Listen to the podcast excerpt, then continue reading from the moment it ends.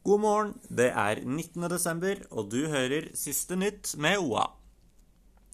Det er store uenigheter mellom Søndre Land kommune og totalentreprenøren Konsto Eide AS om det nye helse- og omsorgssenteret Hovletunet. Nå henter de inn en oppmann, en nøytral fagperson og tredjepart, som skal vurdere kravene til entreprenøren og forsøke å løse forholdene det er uenighet om. To skoler i Gjøvik må forbedre seg på flere punkter for å oppfylle kravene til et trygt og godt skolemiljø.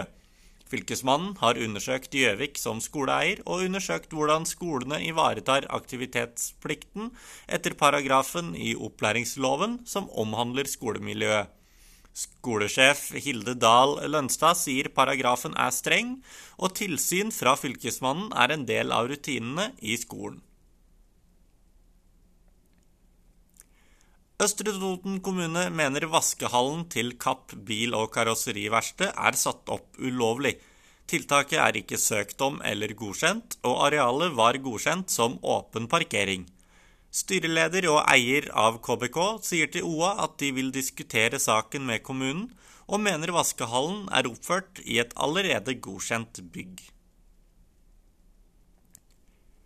Nan René Augland fikk parkeringsbot på 900 kroner på egen eiendom i Markus Stranes gate i Gjøvik.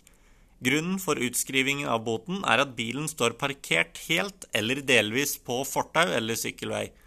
Augland har aldri opplevd dette som noe problem før, og mener det burde vises skjønn når kommunen fra før har godkjent biloppstillingsplass.